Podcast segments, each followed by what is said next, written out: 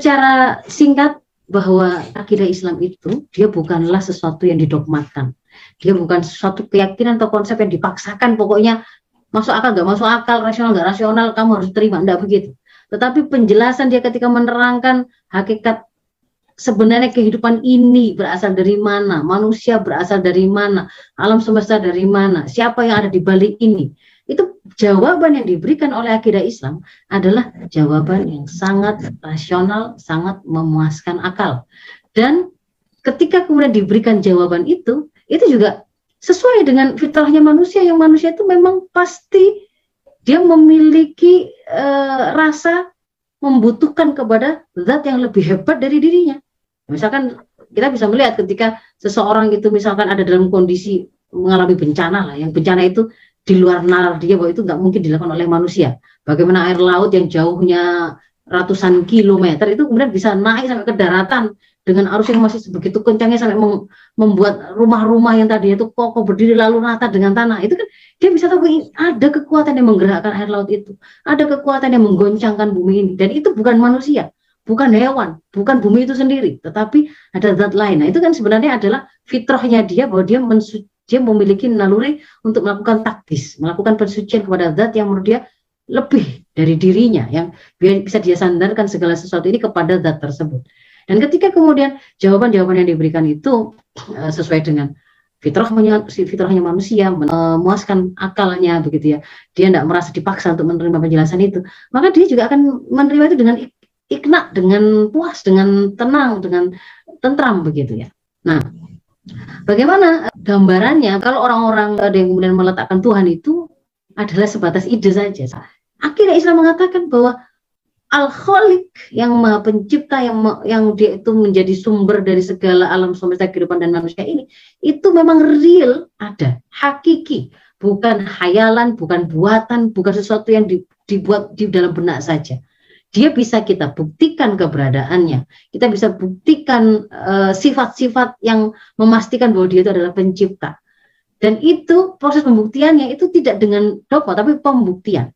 Pembuktian baik menggunakan dalil-dalil yang menggunakan uh, potensi yang kita punya yaitu akal. Di dalamnya juga ada indera begitu ya. Dan juga kemudian nanti akan kita kita bisa menggunakan dalil-dalil atau bukti-bukti yang merupakan sumber yang kita nukil tapi sumber itu bisa kita buktikan juga melalui proses pembuktian secara akliah. Bahkan orang Badui, Arab Badui yang itu secara kebiasaan itu dikenal sebagai ibaratnya adalah orang gunung yang terpencil, yang tidak terpelajar begitu, yang yang jauh lah dari jauh dari sebuah peradaban yang kalau hari ini mungkin digambarkan modern begitu ya. Ketika dia ditanya bagaimana kamu mengenali adanya sang pencipta, mereka loh bisa memberikan jawaban yang tepat dengan menggunakan logika dan menggunakan kemampuan berpikir yang itu menjadi potensi manusia itu. Jadi orang Arab Badui mengatakan adanya tahi onta menunjukkan adanya onta, adanya bekas tapak kaki orang yang tercetak di tanah itu menunjukkan pernah ada orang yang lewat di situ. Bukankah gugusan bintang yang di langit, ombak yang bergelombang di laut itu menunjukkan adanya sang pencipta yang maha tinggi dan maha kuasa. Jadi ketika dia tahu bahwa manusia tidak mungkin kan membuat membuat bintang di langit, tidak juga bisa menciptakan gelombang di laut. Maka itu adalah beberapa tanda yang menunjukkan bagaimana kita bisa membuktikan bahwa sang pencipta itu al-khaliq itu memang benar-benar ada secara hakiki. Dan indahnya Islam, akidah ini tuh kemudian memang di apa kita diajari untuk menemukan akidah tadi itu dengan ada kalanya kita diperintahkan untuk mengamati apa yang ada pada diri kita sendiri.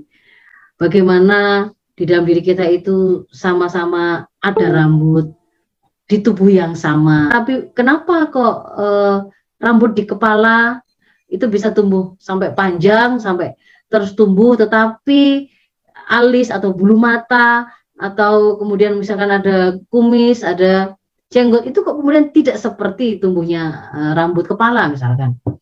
Ada kali kita diperintahkan untuk melihat makhluk-makhluk di sekitar kita afala yanzurna ilal ibli kaifa khuliqat? Wa ila samai kaifa rufi'at? Kan gitu ya. Wa ilal ardi kaifa sutihat? Bagaimana kemudian uh, kita diperintahkan untuk mengamati onta itu? Coba lihat bagaimana penciptaannya.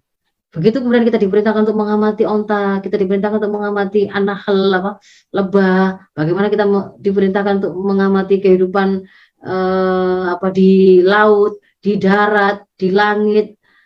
Itu bagaimana kemudian kita diberitakan untuk mengamati bagaimana langit itu ditinggikan, tapi dia kemudian tidak nampak ada pilar-pilar penyangganya. Bagaimana kemudian bumi dihamparkan, bagaimana uh, kalau kemudian kita cermati di dalam ibil itu atau onta itu uh, kok bisa yang namanya hewan ini pada hewan-hewan yang lain itu namanya makanan dan air dia bercampur dalam lambung yang sama. Tapi kok kemudian onta itu Allah ciptakan berbeda begitu. Airnya itu bisa kemudian terpisah dari makanannya. Ketika kemudian kita mengamati hari ini gampangannya ya, kita ketemu ada oh boneka kata. Pas saat yang sama pasti kita yakin pasti ada yang bikin ini kan. Mau dari kayu, mau dari keramik, mau dari tanah liat apa pun kita pasti tahu pasti ada yang membuat. Lah, kalau kemudian kita melihat ada kata asli, seekor kata yang hidup, ya tentu saja dia juga ada yang menciptakan kan begitu. Ketika kemudian kita menyaksikan bangunan yang kokoh, yang tinggi seperti ini, lalu kita katakan, iya pasti dia ada yang membuat, bahkan ada yang mendesain, ada arsiteknya untuk merealisir uh, desainnya tadi itu ada tukang-tukang yang membangunnya, jumlahnya mungkin tidak satu, tapi pasti ada yang membuat. Maka kalau kemudian kita melihat ada gunung-gunung yang kokoh seperti itu, yang mereka itu bahkan tidak bisa digeser, tidak bisa kita tidak melihat bagaimana fondasinya kan begitu kan ya. Itu pasti ada yang juga menciptakan begitu. Lalu kemudian ketika kemudian kita mengamati global, kita pasti mengatakan ya ini buatan, ini ada yang menciptakan, ada yang ada yang membuat produk ini, mau pabrik, mau orang per orang, ada yang menciptakan global ini. Lah apalagi kemudian bumi. Bumi yang kita tinggalin pasti ada yang menciptakan. Jadi eh, cara mengajak mengajak kita semua itu mendapatkan keimanan itu dengan cara berpikir menggunakan potensi yang kita punya ada kalanya eh, apa namanya Al-Quran itu memerintahkan untuk mengamati apa yang ada pada diri kita. Ada yang kemudian ada kalanya kemudian diperintahkan untuk mengamati apa yang ada di dalam laut ada yang di langit di hewan-hewan yang lain. Semuanya itu kemudian menunjukkan bahwa eh, kalau kita memperhatikan apa yang ada pada segala sesuatu yang bisa kita lihat, bisa kita dengar, bisa kita raba, bisa kita apa-apakan, maka itu semua akan mengantarkan kepada keberadaan pada zat Allah sebagai zat yang ada di balik itu semua. Dia adalah al-khaliq. Nah, lalu tidak hanya mengantarkan kita kepada ke apa namanya kesimpulan bahwa ada al-khaliq, tetapi pada saat yang sama kita akan juga dibikin untuk memahami bahwasanya al-khaliq itu juga me melakukan pengaturan sedemikian rupa sehingga kita bisa mengatakan dia juga al-mudabbir. Bagaimana kemudian Allah mengatur terbit dan tenggelamnya matahari, caranya seperti apa? Oh, kalau kita secara ilmunya, ketika kita mempelajari, kita mengenal yang namanya ada orbitnya matahari, ada orbitnya planet, ada proses rotasi, ada proses revolusi, kan begitu. Sehingga kemudian kita mengenal itu ada siang dan malam. Bagaimana kemudian cara manusia itu butuh air. Bagaimana air itu selalu ada tersedia. Oh, ada yang namanya sumber-sumber apa namanya air di bumi. Ada laut, ada danau, ada uh, air, ada sumur, ada mata air dan seterusnya. Lalu bagaimana dia itu bisa me me menghidupkan bumi secara keseluruhan? Ada mekanismenya. Bukan kebetulan kalau kemudian oh ada matahari yang akan membuat air-air ini tuh menguap gitu ya. Lalu bukan kebetulan ada angin yang akan membawa awan-awan yang terbentuk dari uap air tadi itu ke arah tertentu gitu ya. Yang kemudian bukan kebetulan juga kemudian disiapkan oleh Allah suhu tertentu yang membuat akhirnya si titik-titik air tadi itu jatuh ya dari awan. Itu yang kita kemudian mengenalnya secara sains itu adalah siklus air. Tapi sebenarnya itu diceritakan oleh oleh Al-Qur'an sebagai sebuah keteraturan gitu ya. Termasuk kemudian ketika kita mencermati dalam tubuh kita ya bagaimana kita itu seluruh sel tubuh kita itu kemudian akhirnya bisa bekerja, dia butuh makanan, dia butuh oksigen, dia dibawa oleh siapa, mekanismenya bagaimana, bagaimana dari otak kita yang menyuruh tangan kita bergerak itu kemudian sampai tangan kita itu bergerak itu ceritanya seperti apa begitu ya. Tapi ketika kemudian uh, kita mengalami sakit misalkan, kok kita tidak bisa kalau memang itu dalam kekuasaan kita, kok kita kok tidak bisa memerintahkan tadi, berarti kan di situ ada yang taat taatnya itu bukan kepada kita tapi taat kepada sang penciptanya keteraturan yang diberikan oleh penciptanya gitu ya sinyal lapar dan haus rasa sakit semuanya menunjukkan adanya pencipta yang itu juga pengatur